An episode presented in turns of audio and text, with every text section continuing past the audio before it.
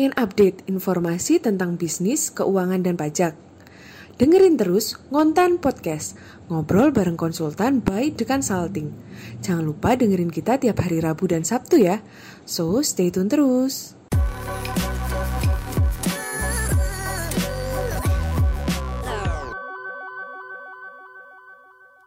uh, hari ini gitu ya malam ini kita kedatangan salah satu founder ya dari uh, apa?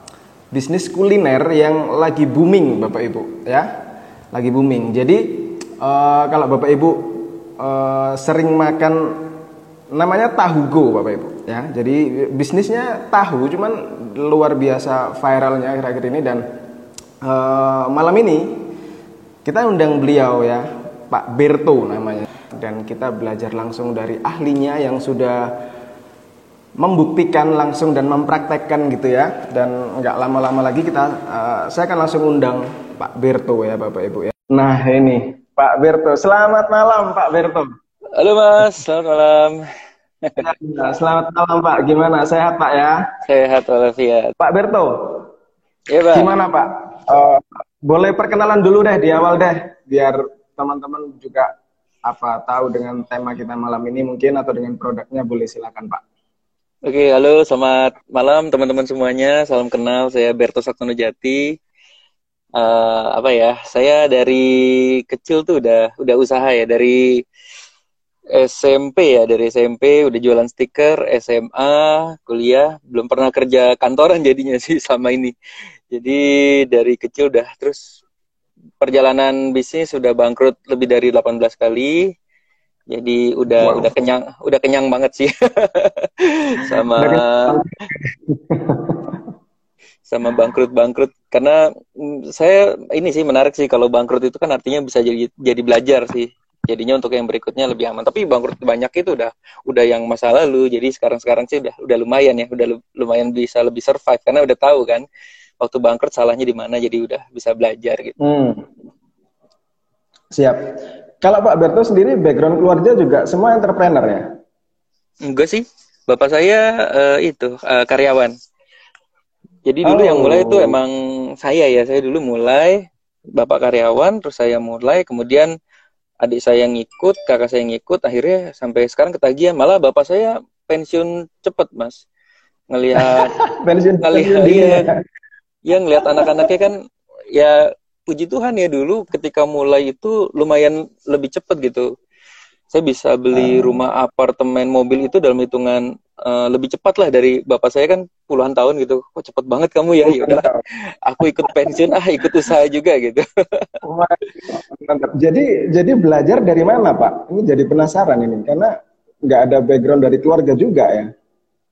Iya, belajar ya, bisnis dari mana? Ya, jadi dulu simple sih, Mas. Jadi kalau saya ya dulu uh, kan bapak saya juga orang biasa kan ya. Maksudnya dalam arti mau minta apa aja kok susah banget gitu. Dulu zaman dulu inget banget mau beli Nintendo, mau beli uh, Sega ya zaman dulu ya. Pokoknya video game video game itu uh, uh, bapak saya nggak bisa beliin gitu. Sampai pada satu titik tuh saya nangis gara-gara semua teman saya bisa beli mainan, saya nggak bisa beli mainan gitu kan. Zaman-zaman SMP apa SMA gitu. Nah dari situ kepikiran, ah, cari duit sendiri ah kalau ngandalin bapak kayaknya ini ya nggak nggak nggak kapan ya tercapainya gitu. Ya. sampai saya nangis benar, bapak saya nangis. itu tapi itu menjadi titik-titik balik sih titik balik di mana saya mikir harus cari duit sendiri gitu. Dan akhirnya ya sampai sekarang ya. Pak Berto. Ya. Pak Berto ini backgroundnya juga digital marketer ya? Iya. Jadi sebenarnya awalnya bukan digital marketing mas. Saya awalnya malah dari konvensional dulu. Jadi sebelum digital tuh saya oh jualan bebek mas jualan bebek jualan terus bebek goreng ya terus jualan martabak pinggir jalan. Dulu tuh ada di namanya di Superindo Superindo terus pindah ke Jati Bening.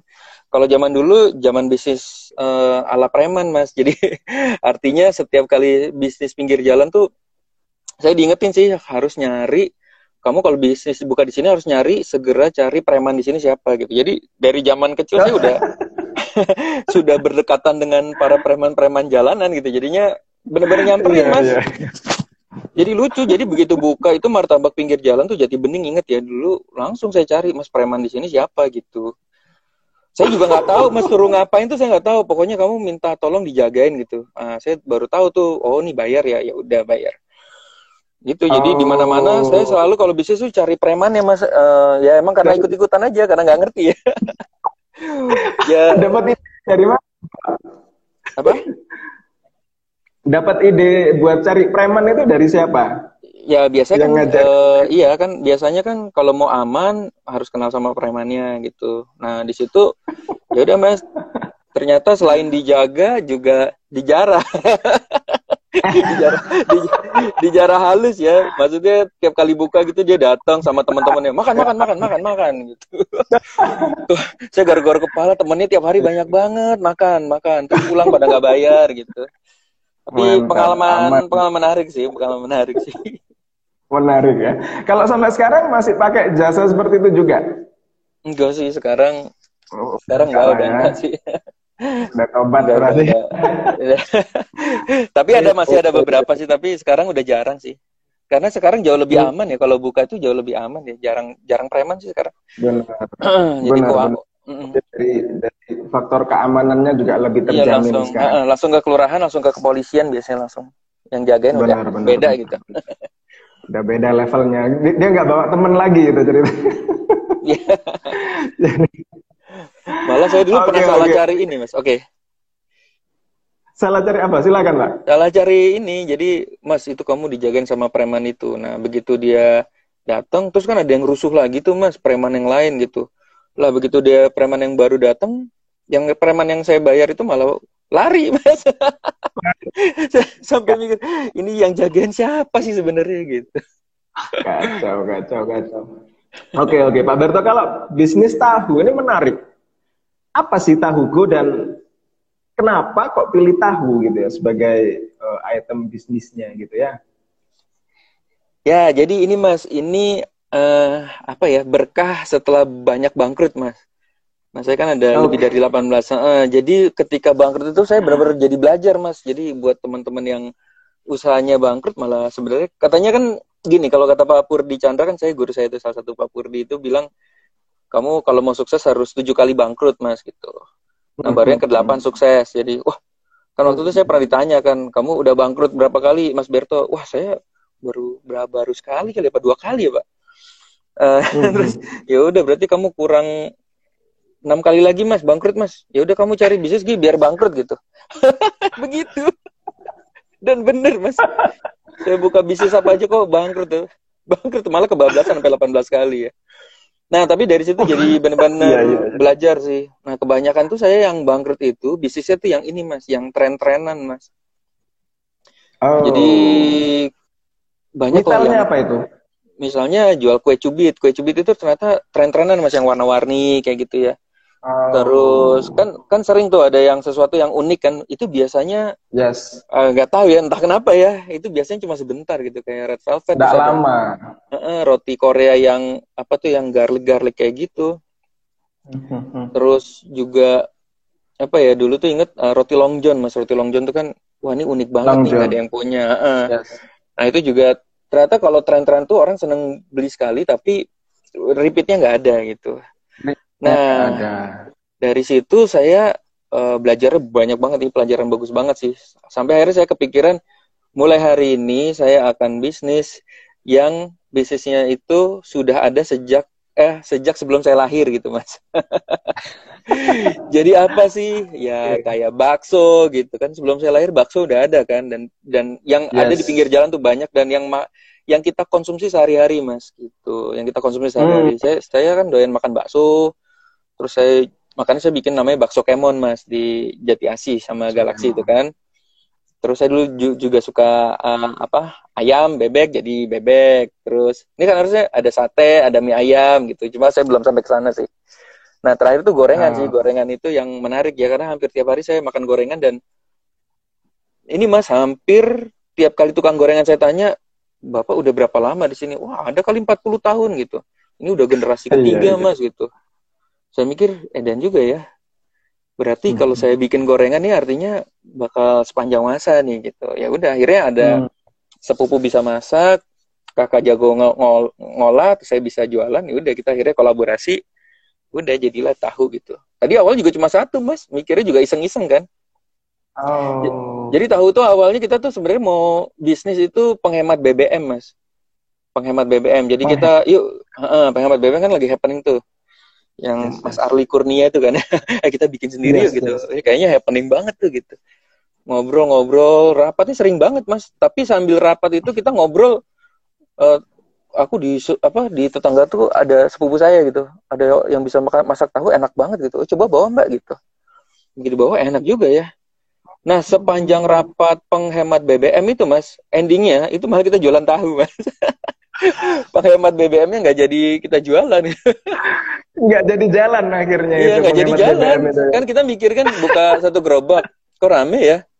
Terus dari satu gerobak itu ada yang nanya kan terus ada yang nanya kemitraan gitu. Wah ini rasanya enak oh. banget nih. Di franchise kan gila baru baru buka udah di franchise kan. Ya udah akhirnya buka. Buka-buka terus ya ya puji Tuhan terus kan uh, lumayan cukup viral dulu ya akhirnya juga ya udah cukup berdampak juga. Akhirnya lupa itu sama penghemat BBM gitu. Sampai sekarang malah semua semangat di jualan gorengan gitu. Mantap mantap mantap mantap. Jadi basicnya itu apa? Kalau boleh saya bilang basic pemikirannya itu jangan bisnis sesuatu yang trending gitu ya karena dia tidak sustainable. Kurang lebih gitu ya. Jadi iya, kira... kita cari cari cari apa cari bisnis yang bisa berkelanjutan gitu ya berarti yeah. basic pemikirannya di situ berarti kenapa milih tahu gitu ya betul kan kalau biasa ada orang yang bilang cari produk yang jarang gitu kan Nah, saya udah coba mas, itu kan teknik yang bagus ya sebenarnya. Wah, kalau jarang berarti nggak yeah, ada lawan yeah. nih, nggak ada kompetitor. Nah, itu saya udah coba, malah banyak tutup mas. nah, sekarang malah kebalik. Jadi cari produk yang emang, ini kan saya belajar juga dari Seth Godin mas. Seth Godin kan juga bilang kan cari, jangan apa ya, cari produk, uh, eh, apa istilahnya? Uh, cari produk yang dibutuhin konsumen gitu. Jadi, jadi yeah, jangan yeah, jangan yeah. memaksakan diri kita membuat produk yang kita suka terus kita maksain untuk tapi nggak butuh uh, uh, padahal konsumen tuh nggak butuh gitu iya iya iya iya gitu iya iya iya iya ya. jadi jadi apa apa apa yang bikin beda sih menurut uh, Pak Berto sih kenapa kok tahu tahu ini bisa diterima gitu ya? Padahal kan banyak juga itu produk-produk gorengan lainnya gitu ya. Iya dan harganya kan juga lumayan mas. Harganya kan 1.600 ya satunya ya.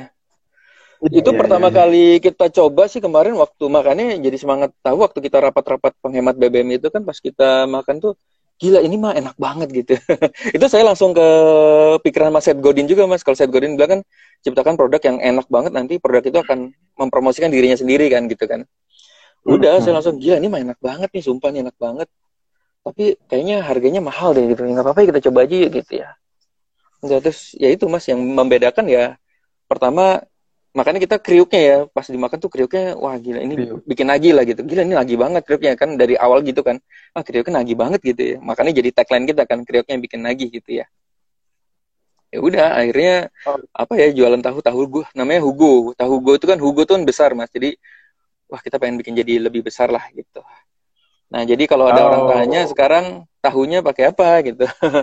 Ini ada apa kadang-kadang suka ini suka bercanda-bercandanya ini tahu go bukan ya ini tahunya apa ya? ini tahu go gitu jadi kita benar-benar kita mau kayak ini mas orang kok air mineral aqua gitu yang dikasih adis atau tetap yes. orang aqua gitu jadi sampai yes. one day saya pengen ada misalnya beli gorengan wah mau beli tahu go ah gitu padahal itu misalnya tahu kompetitor gitu tapi ngomongin tahu go gitu Mantap, mantap. Karena ada teman saya yang udah sering banget mas bilang, eh gila tahu gue udah buka di sini ya, begitu di foto, eh itu bukan punya gue gitu, itu merek lain gitu. Oh. Sampai udah kepikiran, udah namanya nih udah udah tahu gue gitu.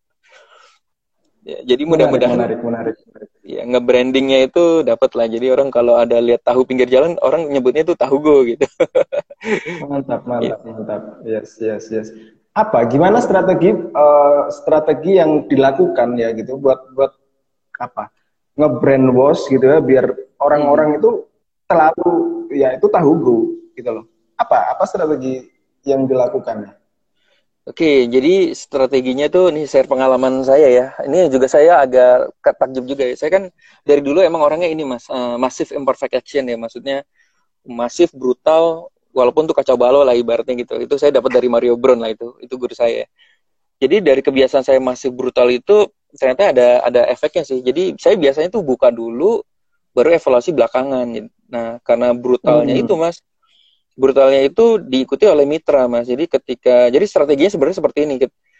Jadi awalnya itu kan begitu buka gimana caranya satu gerobak ini langsung rame ya pakai standar ini Mas, standar marketing yang kita udah tahu lah ya standar ini Pak Pak Pudi kan juga ngajarin jadi benar-benar dibikin rame itu ya orang-orang kita sendiri sebenarnya teman-teman kita sendiri pada kita bayarin nongkrong di situ juga kan ini kan sebelum pandemi dulu ya jadi kelihatannya ramai banget yes. terus masukin uh, media sosial terus ya udah terus kita bikin dokumentasi sendiri. Lu ini enak banget nih sumpah nih tahu tahu apa sih gitu padahal punya sendiri gitu. Jadi oh. kita bikin kayak gitu terus masak sendiri terus wah ini ada pokoknya kita masak sendiri dan lain-lain. Nah dengan cara seperti itu nah waktu ada nah mitra itu sebenarnya belum buka mas. Yang itu pertama teman-teman kan. Ya udah idenya adalah uh, gimana caranya ini biar rame ya kemitraan kan kalau mitra nanya cabangnya ada berapa? Kalau cuma satu kan uh, orang bisa mundur kan gitu ya. nah caranya adalah teman-teman kita mas diajakin. Mereka suruh beli gerobaknya aja gitu. Ini sebentar lagi bakal gue jual 20 jutaan lebih nih. Nah, lu beli gerobaknya aja 3 juta gitu. Nanti gue bantuin deh gue iklanin dan lain-lain. Pokoknya gue gue ledakin deh gitu.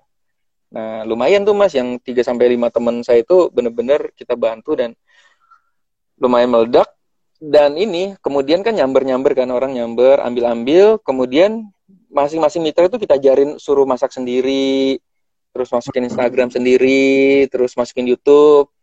Nah, ya kemudian ya itu pas banget uh, ada beberapa mitra kita yang ada yang cantik, ada yang lucu, ada yang uh, ganteng gitu ya. cukup cukup viral jadi itu cukup cukup ngangkat mem mempercepat itu sih. Mempercepat. Oh. Hmm dan sebenarnya viral yes, iya juga yes. bukan karena cuma ganteng atau cantik aja sih karena kan kembali tahunya kan nah kemarin jadi waktu kita viral itu uh, kita ini juga sih cukup cukup concern juga mas ini hati-hati nih jangan sampai nanti uh, kan ada yang kayak gitu ya wah cuma cantik doang tahunya nggak enak gitu pokoknya yang dikenang orang mm -hmm. itu emang tahunya enak bukan karena yes. cantiknya atau karena lucunya gitu ya karena katanya kan banyak juga sesuatu yang viral itu orang cuma inget karena lucunya tapi orang nggak beli lagi hmm. gitu. Nah jadi gak kita lebih produknya. Iya jadi bener mas. Jadi ini juga pelajaran bagus sih buat saya ya. Maksudnya lebih baik itu uh, produknya bagus gitu. Saya lebih baik nggak viral tapi emang produknya enak itu akan jauh lebih bertahan hmm. sih sebenarnya. Nah viral itu kan sebenarnya kan bonus aja kan. Nah ketika viral dan yeah, produknya yeah. enak ya itu lanjut mas. Jadi lanjut gitu sampai sampai hari ini Oke oke oke oke mantap mantap. Jadi jadi memviralkan pertama itu memang dari apa kerabat dan kawan-kawan itu tadi ya? Ya jadi kita oh. viral itu kita menciptakan viral-viral kecil mas yang kita lakukan sendiri kan. Kayak misalnya kan, okay. misalnya kita punya temen yang uh, Instagramnya ya sepuluh ribu follower, sepuluh ribu follower kan kalau udah ada sepuluh kan udah seratus ribu eh iya seratus ribu follower gitu kan udah ya, udah udah ya. terjangkau. Nah, kita ada strategi namanya Dream 100, Mas. Ini saya belajar dari Russell Brunson ya. Jadi Dream 100 itu waktu awal itu kita cari 100 orang yang paling berpengaruh yang bakal meledakkan, yang bakal menyampaikan uh, produk kita ini ke ke orang-orang gitu. Ya, siapa itu orang-orang hmm. itu? Kita cari teman-teman di Instagram yang emang isinya cuma makan aja gitu, Mas. Kan biasanya dia kan rekomendasi kan. Uh, jadi uh, udah kita cari nih orang-orang yang hobinya makan, udah kasih gratis. Nah, lama-lama muncullah ide namanya influencer kan. Dulu kan terus mulai muncul tuh hmm. influencer kan.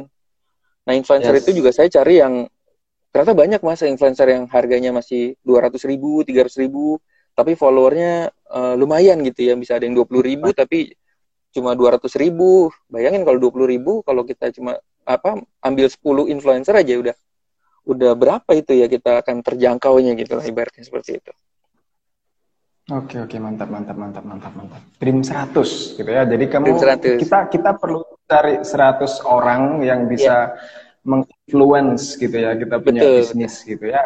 Mantap mantap mantap mantap. Ini Nah, kalau 100 ilmu orang itu nggak ada, pakai influencer Mas, itu yang paling cepat sih Mas. Ya, akhirnya uh -uh. ya yang uh -uh. yang umum dilakukan sekarang kan bayar influencer gitu ya. Iya. Betul. Iya. Oke, lanjut Pak Berto. Terkait tantangannya menjalankan bisnis tahu go ini apa sih? Tantangannya banyak banget ya, banyak banget. Banyak uh, banget.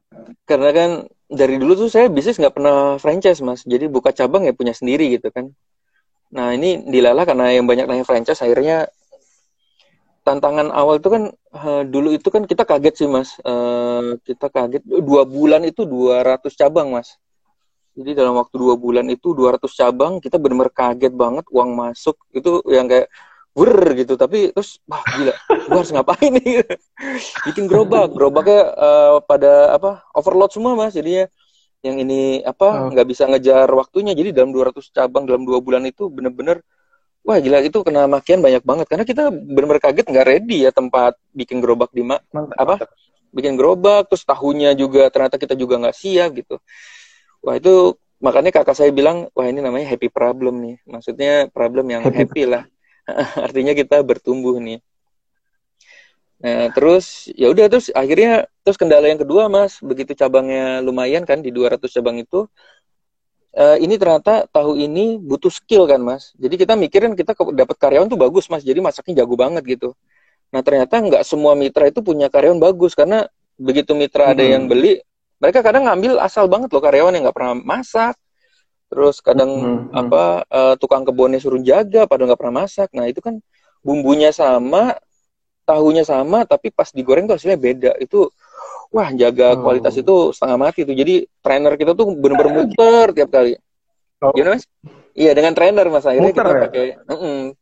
jadi trainer kita tuh bisa sehari bisa ke tiga sampai empat mitra ya muter ya gitu kalau misalnya ada lanjut, mitra lanjut. yang ya kalau misalnya ada mitra yang bermasalah misalnya mitra itu bermasalah juga sepele-sepele sih mas. Misalnya ya ini lucu sih. Misalnya gerobaknya bannya kempes gitu. Kan ban kempes bisa pompa sendiri ya gitu dia maunya kita datang saya nggak mau tahu saya beli bagus. Ya saya mau gerobak ini ya udah kita datang tuh benar-benar cuma mompain bannya doang mas gitu. Ya namanya kan mitra ya. Nah kalau di tahu gue menarik menarik kalau di tahu gue tuh juga kita berusaha gimana caranya mitra itu profit mas. Kan itu kan dia kan uh, konsumen kita ya jadinya kita menjaga mitra itu profit. Walaupun kita nggak mungkin 100% berhasil ya karena kesempurnaan kan hanya milik Tuhan ya. Pasti ada ada juga yang nggak berhasilnya lah. Nah kita bikin ini mas pelatihan digital. Jadi kalau mitra-mitra tahunya itu kalau misalnya setiap minggu kita kasih pelatihan. Gimana sih cara ngiklanin Instagram? Seperti itu. Hmm menarik menarik menarik menarik menarik menarik itu 200 mitra dalam dua bulan itu itu juga dari sekitar tadi atau memang udah orang luar orang nggak kenal gitu ya? ya 202 bulan banyak banget ya. Iya, kebetulan ini kan namanya scale up ya, Mas. Ketika udah 20 cabang, itu kan udah apalagi su hampir semua bilang rasanya enak banget gitu. Itu kita ngiklan sih, Mas. Hmm. Jadi kalau teman-teman mau bikin oh. sampai 200 400 cabang itu bisa dengan cara ngiklan sih. YouTube-nya diiklanin, YouTube-nya diiklanin, kemudian iklan Instagram. Jadi kita bisa bikin iklan kemitraan terus udah budgetnya gedein aja sekalian gitu kan kita dapat uangnya kan cukup bagus tuh saat itu kan gitu kan mitra kan udah udah 20 kan udah udah lumayan itu semua tumpahin semua mas ke iklan gitu mas jadi kita nggak ngambil profit sama sekali hmm. pokoknya semua uang masuk kita lempar lagi ke influencer ke ini iklan. jadi jadi tambah viral lah ibaratnya kayak gitu ya hmm. mantap mantap bapak bakar dulu di iklan gitu ya berarti di iya, awal-awal yeah, gitu ya. Iya. Kebetulan kan kemarin waktu itu zamannya GoFood, GrabFood pada berani-berani kan. Wah, kita berani aja deh. Benar. Bakar aja sekarang duitnya benar, gitu. Benar. benar, benar. Siap, siap, siap. Ini ada pertanyaan, Pak Berto ya. Dari Pak Edi Wibowo. Selamat malam Pak Edi ya. Jadi pertanyaannya strategi untuk digital marketingnya gimana? Media apa aja yang dipakai? Gimana Pak Berto? ini kayak teman saya dia iya. strategi digitalnya ini sih kalau saya kan ada klub mas namanya SB1M kan di klub itu isinya kan para pengusaha yang mau digital kan nah itu selalu strategi sederhana sih tujuh jurus namanya tujuh jurus game plan jadi kita benar-benar menguasai semua semua area ya YouTube uh, AdWords terus website Instagram pokoknya brutal lah brutal Nah kalau website itu hmm. kita isi artikel sampai ribuan artikel mas. Jadi kalau mas ketik di Google itu kalau diketik uh, franchise tahu di Bandung, di Surabaya, di Aceh, di Medan, seluruh Indonesia kalau ketik franchise tahu isinya tahu gue semua mas Munculnya di halaman satunya gitu. Sampai kita Iya, SEO benar. Terus kita bikin itu juga keluar negeri mas. Jadi kalau mas ngetik ya franchise tahu di uh, Australia, di Jepang, di Hong Kong itu muncul kita semua tuh mas. Emang kita hmm. belum sampai sana. Hmm. Itu itu kan itu kan sebuah strategi yang itu kenapa kenapa kita akhirnya nanti kan mau menjangkau ke seluruh Indonesia kan mau menjangkau ke seluruh Indonesia itu awalnya dari situ mas orang lihat website mas ah, saya mau buka dong di Malang udah buka gitu. Oh lihat di mana? Dari website gitu. Karena saya bikin franchise atau kemitraan tahu di Malang gitu. Nah ketika hmm. ada 10 orang yang nanya oke okay, ya udah akhirnya bayar dulu gitu kan. Bayar dulu baru kita buka di sana. Jadi lumayan Mantap. lebih enak sih. Jadi kita sudah apa ya pasang pondasi dulu di mana-mana. Ketika misalnya Bali nih banyak orang nanya Bali aku siap DP DP jadi masuk dulu uangnya. Jadi jual franchise itu jadi kayak jual properti sih mas. Jadi kayak jual gambar gitu. Hmm. orang bayar hmm, dulu hmm. setelah bayar baru kita bikinin di sana gitu. Jadi lumayan seru sih buat teman-teman yang belum bisnisnya belum di franchise kan coba deh di franchise kan seru seru banget deh. Mantap mantap. Yang penting siap terima uang gitu ya jangan sampai bingung. Oh ya terus sama ini mas. Uh, kuncinya itu juga ini apa influencer? Saya dapetnya di influencer tuh. Ini strategi baru yang maha dahsyat sih. Jadi influencer tuh uh mantap banget lah pokoknya. Banyakin aja influencer. Jadi kalau teman-teman tanya tahu hmm. gue pakai berapa influencer setiap hari saya satu influencer mas. Jadi 30 influencer setiap uh, setiap bulannya setiap bulan. Mm, jadi bayangin nggak? Habis uh, misalnya habis Bejo nanti Rini nanti Rudi. Jadi tiap hari tuh ada aja yang cerita tentang tahu gue jadi uh, itu lumayan lebih ngirit dari ngiklan gitu. Nah, influencer itu kalau bisa oh. dapat minta izin untuk kita iklankan, wah itu lebih meledak lagi. Itu sih. Oh, berapa sih budgetnya untuk influencer gitu, Pak Berto? Influencer itu bisa mulai dari tiga ratus ribu kok, Mas. Tiga ratus ribu. Hmm, sampai nggak usah yang kayak hanya Geraldine gitu tuh terlalu mahal gitu buat kita UKM mah ya. Mahal. Uh -uh. Anya Geraldine kan kalau salah 200 juta ya. Iya, juta dia udah main. Uh, ratusan Puluhan juta masih ratusan masih iya, ratusan. ratusan ya. Luar biasa. Nah, kita pakai itu, iya, pakai influencer banyak kok. Kita ini aja sering browsing-browsing makanan aja. Browsing-browsing ini aja yang lagi viral tuh siapa? Kayak sekarang ada pisang pop influencer tuh kan. Influencer yang relate dengan bisnis kita gitu hmm, ya.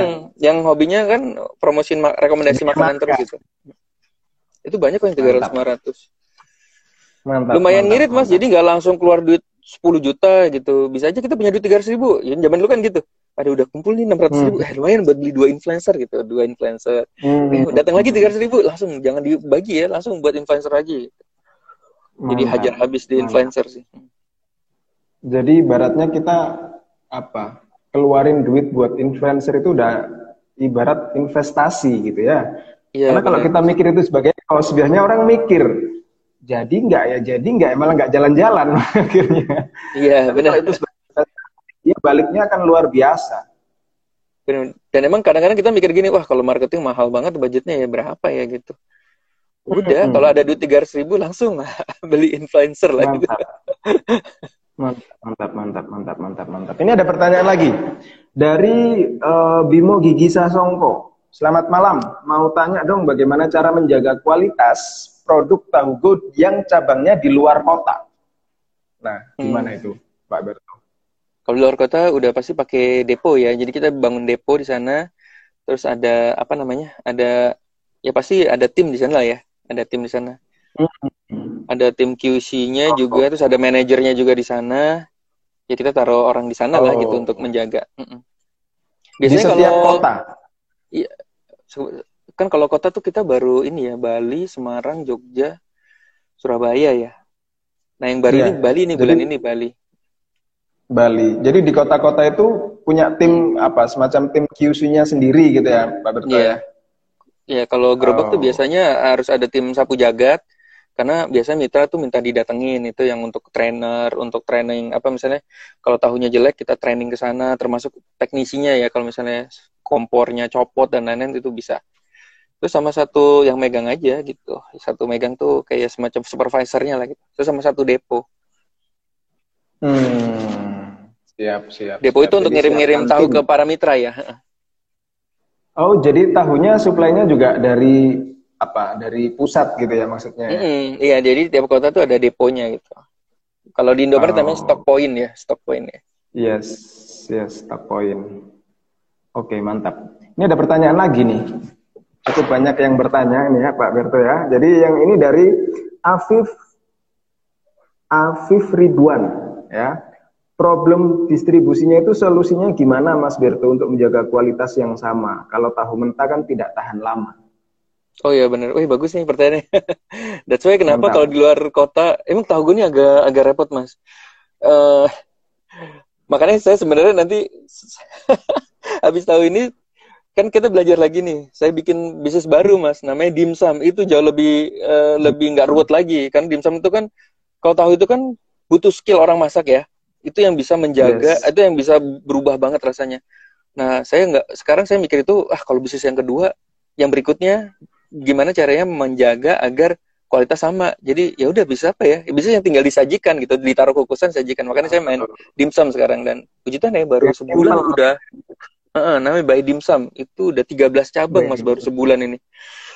Karena Sebulan. penyajiannya gampang. Wah. Nah, kalau tahu itu emang edan sih. Ini ada ini kabar bagus juga sih. Jadi ternyata untuk bisnis tahu itu juga nggak gampang ya. Jadi jadi lawannya mudah-mudahan mudah mudah-mudahan bukan mudah-mudahan ya. Eh, maksudnya lawannya itu berkurang lah gitu. Karena nggak gampang lah. Karena Mas kalau mau bisnis tahu di luar kota, kita harus cari tukang tahu di sana loh, Mas. Iya, Jadi benar, cari benar, tukang benar. tahu di sana dan tukang tahu di sana dari 10 paling dapat satu, Mas. Karena kan bumbu kita harus cocok sama bumbunya dia, Mas, gitu. Eh sama tahunya dia. Jadi kita dari tahunya. Iya, jadi nggak sembarangan tahu gitu. Jadi tahunya semua kita coba. Berarti ya. Iya bener. Eh, jadi dari bumbu, minyak sama tahu tuh harus sinkron gitu untuk hasil yang sama Hmm. dengan yang ada di Jakarta gitu. Udah, Hmm. bener-bener itu setengah mati juga nyari nyari tahu di sana gitu. That's why Mantap, mantap. banyak banget tukang tahu gorengan juga nggak nggak sampai banyak cabang di mana-mana karena emang perjuangannya lumayan berat sih. terbatas Lumayan. terbatas di penyediaan bahan bakunya berarti ya. Iya bahan bakunya. Ya emang kita belum sampai tahap. Emang planningnya sih nanti punya pabrik tahu sendiri jadi untuk keluar kotanya. Cuma kan kita kan ini mas apa bisnis jalanan ya. Yang penting buka dulu di mana-mana baru nanti uang ngumpul baru bikin pabrik. Nggak nggak gampang juga bikin pabrik tahu itu. Mantap, mantap, mantap. Semoga satu tempo itu tercapai gitu ya. Amin mas, terima kasih. Ini ada pertanyaan lagi dari Pak Basuki Tommy Octavia. Ya. Apakah strategi influencer ini bisa efektif di bisnis non kuliner seperti baju misal? Gimana kalau menurut pandangan Pak Berto? Oh bisa banget, bisa banget. Influencer tuh itu dream 100 lah mas. Jadi 100 Dream orang yang 100 paling ya. ber- Ah, dream 100 ya udah. Saya bisnis apa pun sekarang influencer mas. Jadi pakai apa pun bisnis Mantap. apa pun pasti influencer. Nah cuma emang gini mas, eh, influencer tuh sayang ya kalau udah keluar duit yang paling penting tuh produk kita emang harus unik banget lah. Ada value-nya Ah. tersendiri. Ada istilahnya produk kita harus ada story-nya, harus dikasih story tuh. Storytellingnya gitu ya. Mm, ada story-nya. Jadi story-nya ketahu gue kan bikin story-nya, wah ini tahunya yang viral nih. Emang kita yang dulu ciptain mas, aduh kan dulu ada yang bikin ganteng, yang ganteng nggak viral gitu. Eh, sebelum yang viral yang cantik itu kita yang ganteng-ganteng mas, ini tahu ganteng nih tahu Iya, kagak viral mas. Terus ya, begitu yang cantik. Terus kita bikin lagi yang cantik di Jogja juga viral juga. Nah di Bali ini kita lagi cari yang cantik lagi biar viral tapi bukan masalah viralnya, tapi yang penting produknya gitu. Yes. Mantap. Jadi pesannya Jadi, dapat. eh, mm. Oke, jadi Iya, Mas. eh, influencer bisa harusnya ya, mau itu produknya makanan kah, mau produknya itu eh, baju gitu ya. Yang penting cari influencer yang relate dengan produk. Jadi Iya. kalau misal baju ya cari cari influencer yang apa kerjaannya bagian apa kerjaannya dia nyobain baju atau apalah. Jadi biar Iya. dan yang penting dia banyak. Kalau baju tuh biasanya apa, influencer yang ini aja, yang gayanya keren-keren aja. Biasanya dia suka nongkrong tuh yang gayanya keren tuh biasanya. mantap, ke- yang yang cakep-cakep gitu ya. Mm-mm. Mantap, mantap, mantap, mantap, mantap. Dan ini mas Kalau- influencer itu, ini mas influencer itu ini juga mas, apa namanya? Kan kita kadang-kadang har- produk itu harus kasih story ya mas. Nah Yes. buat orang yang nggak biasa bikin wah ini misalnya ini sate ini storynya apa ya bingung gitu nah itu merekrut influencer aja influencer tuh kadang-kadang bisa kasih storynya di situ mas jadi kita nebeng Oh, dari dia si bantuin mikir. itu. Ah, dia dia bantuin mikir jadi Mantap. yang dia kadang-kadang ide story itu dari si influencer itu gitu jadi buat teman-teman yang nggak bisa cari story ya pakai influencer aja biar dia yang bikinin gitu Yes, mantap, mantap, mantap. Jadi sampai ke situ dia bantunya ya. iya mas Ya, ya, ya, ya, ya, ya. Kemudian, ini mumpung belum ada pertanyaan ini. Selama pandemi, gimana? eh, progres atau perkembangan Iya, iya. gitu ya dari dari bisnis ini ya, dari Tahu Go. Iya, pas pandemi ini ya saya cukup beruntung sih, bersyukur sih Mas. Di mana-mana kan orang eh, bisnisnya banyak yang tutup ya. Kita itu malah pas pandemi itu malah jadi 400 cabang Mas. Sekarang sih udah 430 ya, udah masuk 430 Mantap. cabang ya. Padahal itu pas buka itu kita langsung pandemi kan. Kita mikir, waduh yaudah kita fokus ini deh yang cabang-cabang yang udah ada ya gitu. Nah kok makin lama malah, ada nih mungkin karena orang banyak dipecat juga kali ya kata katanya sih kayak gitu. Eh, ada beberapa yang aku kena PHK jadi aku mau bisnis jadi ambilnya tahu go gitu. Jadi, nah ini buat teman-teman sekarang nih menarik banget sih kalau mau bisnis tuh bisnis gerobakan yang dibikin kemitraan itu lumayan cukup dicari loh. Karena Hmm. Iya, karena kan orang kan punya uang nih, pada punya uang pensiun-pensiun dini kan. Mereka bingung kan mau bisnis dari mana. Biasanya mereka nyari-nyari kemitraan tapi yang nggak terlalu mahal, yang udah ada sistem. Itu kalau misalnya Jakarta belum full tuh masih, orang Jakarta kan udah full mas, udah nggak bisa beli kan. Itu masih banyak banget orang maksa mau buka gitu. Tapi udah nggak bisa gitu. Hmm. Jadi Udah terlalu bersyukur. penuh. Nah, gitu. Jadi ini bagus sih buat teman-teman. Saya sih selalu ini sih mas nyemangatin teman-teman. Gue bisnis apa ya? Udah lu bisa masak apa? Udah langsung bikin kemitraan ntar gue kasih tahu caranya. Caranya gimana? Udah pakai influencer. gitu. Jadi nggak ada rahasia sebenarnya. Rahasia tuh bikin makanan yang enak, terus diiklankan untuk kemitraan pakai influencer. Udah tiga itu sih yang paling penting sih. Hmm. Oke, oke, oke. Ini jadi untuk Tahu Go ini model franchise-nya seperti apa sih, Pak? Jadi apa? Eh, beli putus kah atau nanti ada harus beli bahan di situ atau gimana? Atau manajemennya juga dibantu atau seperti apa? Iya, jadi kalau tahu gue itu kan ada beberapa franchise tuh kan yang beli putus terus ditinggal gitu ya. Eh, Yes. Atau ada yang menjaga itu dengan bayar lima tahunan ya. Kalau kita itu sebenarnya kita bukan franchise sih, mas kan franchise harus lima tahun ya. Tahu gue ini kan berarti baru satu tahun lah, baru 12 bulan ya. Nah kita sebutnya masih apa eh, kemitraan gitu, bukan franchise. Yang ke franchise harus lima tahun kan. Mm-mm. Nah konsepnya itu kan seder. Eh apa tadi pertanyaan lupa saya. Konsepnya ya. Apa model Oh, model- seperti apa? Yes, konsepnya. Oh ya modelnya berarti ya udah mereka hanya beli gerobak sama franchise fee ya biasa ya di awal. Dan itu kita benar-benar menjaga mitra itu supaya terus beli sama kita kan. Jadi uang gedenya tuh sebenarnya dari harian mereka, cash flow harian mereka beli sama kita. Nah itu enaknya kalau punya kemitraan tuh mitra yang jualan kita tinggal tiap hari pasti ada order mas. Jadi kita tinggal tinggal kirim aja ke mitra-mitra tersebut. Nah gimana cara mitranya naik Oh. omset? Ya itu kita perhatiin kan ada namanya WA group mas. Jadi setiap mitra tuh ada WA grupnya yang selalu kita sapa. Halo, ada kendala apa nih kayak gini? Ada- kendala apa? Kalau misalnya bahkan kita sampai setiap Senin itu kan rapat mana eh, lima mitra yang omsetnya paling jelek kita evaluasi, kita sampai kirim training, terus kita kirim influencer, kita iklankan mas, kayak gitu mas sampai kita sampai pada tahap sampai seperti itu gitu. Terus ada misalnya kalau mitranya masih jelek, kita WA, Mbak, yuk eh, aku ajarin yuk cara eh, gimana sih cara ngiklan, nah, cara digital gimana biar omset naik gitu.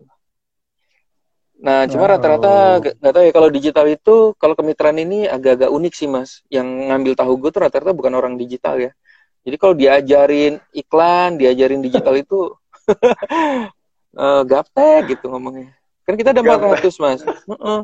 Dari 400 mitra, kalau kita lagi live mas, live webinar seperti ini, kita lagi mau ngajarin mitra gimana cara ngiklan, bikin konten Instagram bagus. Tahu nggak mas yang datang berapa mas? Waktu live. Berapa Coba itu? mas. Tebak, tebak, tebak. Mas Lukas tebak berapa? Dari 400, dari Ah, 400 ya? Ah, ah. Berapa yang datang? 100 deh. Seratus. Empat lah, anggap seratus. Salah, Mas. Berapa? Yang datang tiga orang, Mas. tiga orang. Itu yang apa digital marketernya tahu gue tuh, Mas, gila Mas, yang datang cuma tiga orang, Mas. Nah, itu kita sampai survei, Mas. Kita tanya, kenapa sih kok eh, ini kan kita mau bantu gitu. Ah, gaptek, Mas. Susah banget, Mas, gitu. Padahal kan sebenarnya gampang ya. Kalau Instagram tinggal boost post kan sebenarnya kan. Ya, cuma kita Yes. maklumin. Sampai kita ganti strategi, Mas, akhirnya. Strateginya itu adalah, ya udah kita bantu mereka, karena dia digitalnya nggak melek. Ini kita bantu mereka untuk kita kirim tahu, kirim ke eh, kantor-kantor terdekat mereka. Jadi uang, jadi pokoknya biar eh, kantor-kantor terdekat mereka eh, concern bahwa ada tahu di situ, ada tahu gue di situ. Jadi sampai strateginya kita balik gitu. Oh. Oh, jadi segala macam strategi dan lain-lain itu effortnya dari pusat berarti ya? Eh, kalau dari pusat kan selalu kita menjaga brandingnya biar orang makanya ada inf- influencer setiap hari kan sama setiap bulan tuh pasti ada influencer besar gitu satu gitu yang kita pakai gitu. Tapi kita Dan itu mereka pernah- cara cuma-cuma waktu join gitu ya? Ya, tapi kita selalu ingetin ini Mas bahwa ini bisnis ya. Jadi kita akan melakukan ini, tapi eh, sukses atau tidaknya tergantung diri kamu sendiri gitu kan. Selalu kan kita gini kan. Eh, Jadi nggak nggak mana nih pusat nih, nggak nggak bantuin nggak gitu. Dari awal kita udah ingetin nih bisnis. Nanti kalau butuh apa, ya kita ada pelatihan digitalnya. Terus kita bantu nanti training, pokoknya gimana kamu omsetnya naik gitu. Tapi emang kembali ke mitra. Makanya ada mitra yang hasilnya bagus, ada yang hasilnya jelek. Yang bagus itu biasanya mas yang aktif mas, yang aktif tuh yang tiga orang tadi kayaknya. Nah, bisa jadi. Iya. ya mereka tuh yang iklan, terus yang mereka rajin ngirim-ngirim ngirim-ngirim apa namanya eh, tahu dia mereka berani dengan biaya marketing sendiri untuk ke tetangga-tetangga ya sebenarnya apa yang udah kita ajarkan sih tapi mereka yang action lah ibaratnya kayak gitu Hmm. Mantap, mantap, mantap, mantap, mantap, mantap. Terus ini ada pertanyaan lagi. Ini dari Bagas Susila. Bagas Susila. Eh, Mas Berto, bagaimana step by step cara memviralkan tahu go atau bakwan day? oh ya ya tadi tadi udah ya jadi Ya. viralnya kita itu mas ciptakan viral-viral kecil mas viral-viral kecil kita ciptakan intinya adalah brutal sih brutal brutality. Cari dream saat Brutality. Mm-mm. kita ciptakan viral-viral kecil dari influencer-influencer kecil. Kalau saya gitu sih. Jadi mulai dari influencer yang 300 ribu ada yang 100 ribu pokoknya combine aja. Ada yang 500 ribu ada yang sejuta. Itu setiap hari mas. Sudah gitu aja. Mas Wow. Bagas kalau punya bisnis ada influencer yang kita rekrut. Bukan rekrut ya maksudnya kita bayar ya. Setiap hari Bayar, lama iya, iya lama-lama viral dengan sendirinya kok itu ya kan Iya, ibarat mantap, mantap. misalnya setiap hari kan satu mas berarti 30 orang kalau misalnya 30 orang ini followernya 10 ribu kan berarti berapa tuh 30 kali wah itu tambah udah tuh 300 Vir- juta. ya itu iya, viral iya, iya. viral dengan sendirinya karena semua orang kok promosiin ini ya apa sih gitu mikirnya kan Hmm. ini apa sih kok di, banyak banget yang rekomendasi ini padahal kita bayar bayar sendiri Iya, iya, iya. terus ini juga Ya, Mas jadi- Bagas manfaatin momen ini juga. Eh ada ini Mas. Eh Mas Lukas ini Mas. Iya, Lukas, Lukas. oh Mas Lukas ada itu momen kadang-kadang artis itu waktu pandemi itu suka ini Mas. Suka ngasih ini apa namanya gratis. Dia mau Gratis, ngebantu UKM gitu bagi teman-teman UKM nih. Gimana Mas Mereka juga ada promo gitu kali ya. bisa promo bisa jadi pandemi gitu. Iya mereka itu ya bahasanya sih ngebantu ya, tapi bisa tukeran juga sih. mereka ini buat UKM UKM yang butuh saya promosiin kirim aja ke saya nanti. Itu banyak banget Oh, iya. artis yang waktu Banyak, pandemi banyak. awal, wah gila itu bener-bener ngelihat peluang banget itu tahu gue langsung mas kirim Iya. terus mas. Makanya banyak banget artis Iya. yang promosiin tahu gue kan. Terus sebenarnya juga ada beberapa yang nggak bayar karena mereka ngebantu UKM gitu kan. Kan tahu gue kan iya, UKM benar, kan, benar. gorengan pinggir jalan. Benar. Benar. Mereka kayak ada satu apa? Project kayak bantu bisnis eh, Iya, UKM UKM UKM. gitu memang banyak. Iya. Ah, itu bener, Benar. itu pantauin aja tuh artis-artisnya. Mantap. Oke, lalu ada lagi nih dari Pak Basuki Tommy Octavian. Apakah ada training yang secara rutin untuk mitra? Nah, tadi yang training digital itu rutin nggak sih, Pak Berto? Iya, training digital tuh dulu seminggu sekali. Karena yang datang cuma tiga orang, kita uh, agak lebih private sih sebenarnya. Private itu dalam arti kita WA. Yuk, kita ajarin deh gitu. Jadi secara uh. personal sekarang. Gitu. Itu aja juga yang mau aja. Kadang-kadang mereka nggak mau. Jadi kayaknya strategi ini uh, makanya pusat aja yang ngerjain gitu. Akhirnya strategi kita ganti dengan yang kita kirim tahu gratis untuk promo di daerah sekitar gitu. Karena emang orang kalau gaptek susah juga mas dipaksain gitu. Kalau nggak mau ya nggak mau gitu. Oh, nah, kalau okay. training pasti ada untuk mitra itu biasanya tim sapu jagat. Biasanya ngelihat dari ini, Mas. Kelihatan ya kalau misalnya ordernya seminggu dua kali. Kalau lama-lama seminggu ordernya cuma sekali. Order tahunya ya mitra. Terus seminggu dua kali, eh sebulan cuma dua kali. Makin lama makin turun. Nah, itu biasanya kita samperin karena masalahnya pasti tahunya nggak enak tuh. Biasanya kayak gitu tahunya nggak enak. Oh. Hmm, terus mereka nggak promo. Sebenarnya kalau nggak usah promo pun kalau asal tahunya enak biasanya dia mempromosikan sendiri kan mas. Nah kedua hmm, tuh biasa kita bantu ngajarin ke sana tuh ngajarin cara ngiklan. Iklan Instagramnya kita ajarin gitu ya. Terus yang ketiga atau yang ketiga mas mereka buka ngambil tahunya bukan sama kita gitu.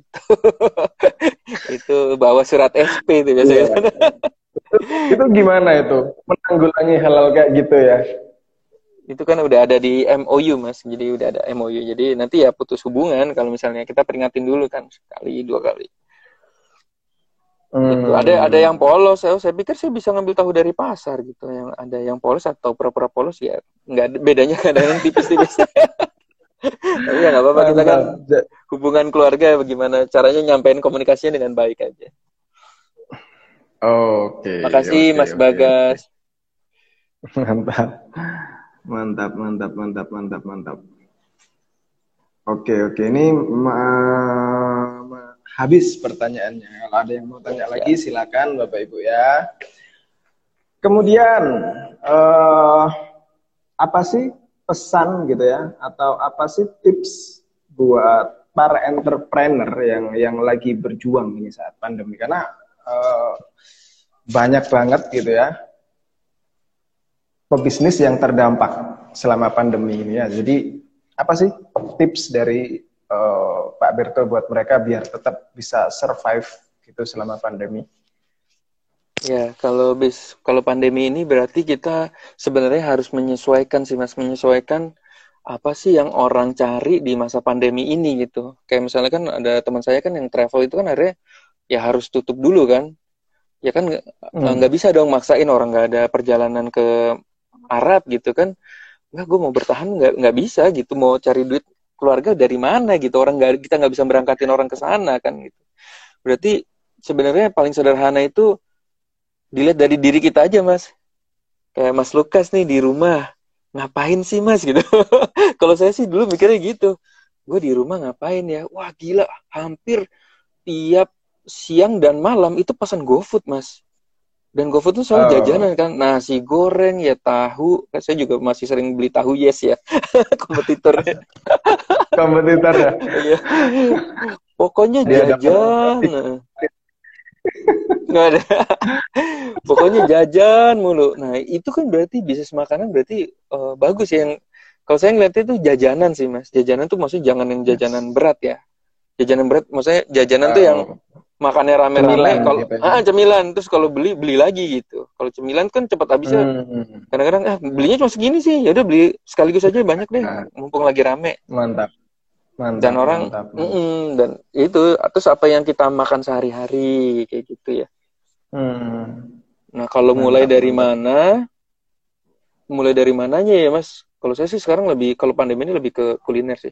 Nah saya juga bikin ini mas uh, cupang mas. Cupang kan hobi juga naik kan bisnis hobi ikan, kan juga ikan naik. Cupang. Uh, uh, saya juga jualan namanya The Jones Beta Farm. Jadi saya jualan ikan cupang juga karena ini yang tadi Mas bilang nggak pandemi apa sih saya nyari? Oh berarti orang lagi main hobi nih di rumah bengong aja ngapain yeah, ya? Beli tanaman atau beli cupang? Nah, saya manfaatin itu. Tanaman. Mm -mm, jadi saya sekarang jualan cupang juga. Nah kalau makanan itu paling sederhana ini apa ini kita saling mengerti lah di semua teman-teman kita ya kita masak sendiri. Kalau nggak bisa masak sendiri ya suruh orang tua kita, adik kita atau siapa yang bisa masak, terus kita yang jualin. Jualinnya paling gampang itu broadcast WA aja mas. Broadcast WA. Oh.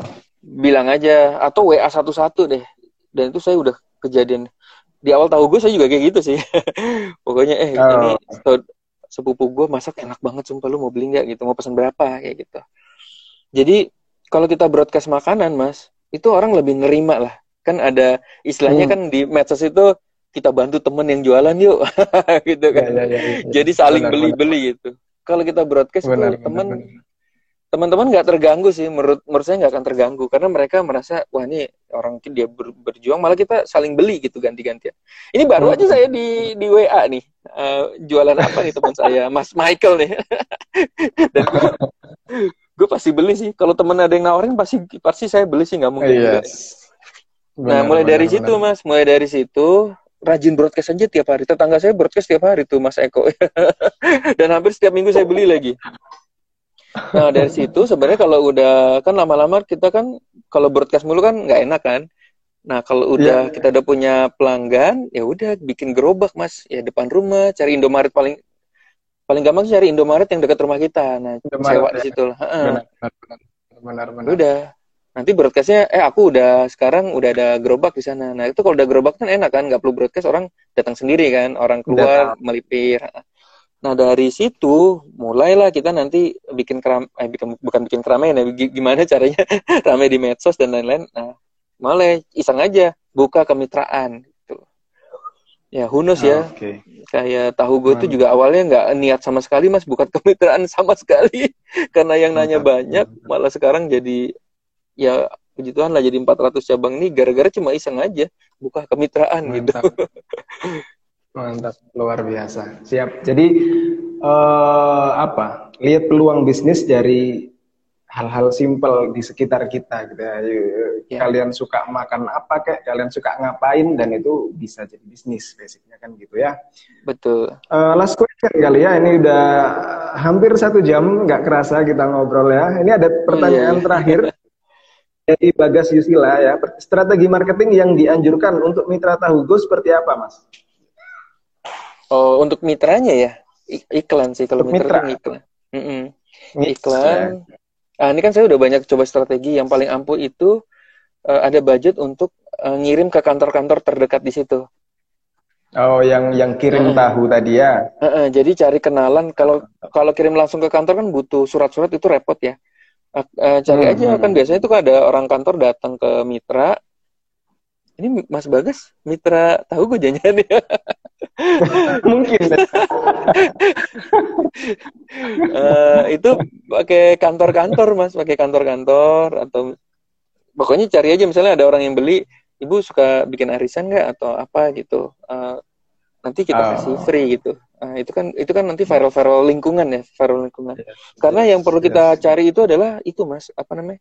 lingkungan situ kan. Karena kan kalau mitra itu kan udah dibatasin dua setengah kilo tuh areanya dia gitu. Nah, gimana caranya kita ah. benar-benar branding terus di area situ sih. Untuk mitra tuh seperti itu, gimana oh. branding terus di area situ. Oh, siap siap. Dua setengah meter ya, dua setengah kilo ya. Iya iya. Nah kalau iklan kan bisa di ini mas. Kalau iklan bisa di langsung di point ke misalnya hutan kayu gitu. Iklan kita hanya muncul di daerah hutan kayu. Nah itu juga bisa. Mantap mantap mantap mantap mantap mantap mantap. Oke.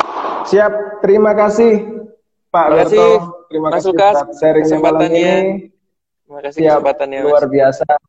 Banyak sekali insight. Saya pribadi banyak dapat insight malam ini ya dan semoga para pendengar di rumah juga banyak insight yang didapat dan bisa berkarya lebih luar biasa ke depannya ya. Thank you Pak Berto, sehat-sehat terus, kasih. sukses buat usahanya. Amin. Ya, Sama-sama sukses buat Mas Lukas. Mohon maaf kalau ada salah kata teman-teman semuanya. Siap. Terima sukses kasih. semua buat teman-teman semua. Terima kasih Mas. Thank you. Ya, thank you.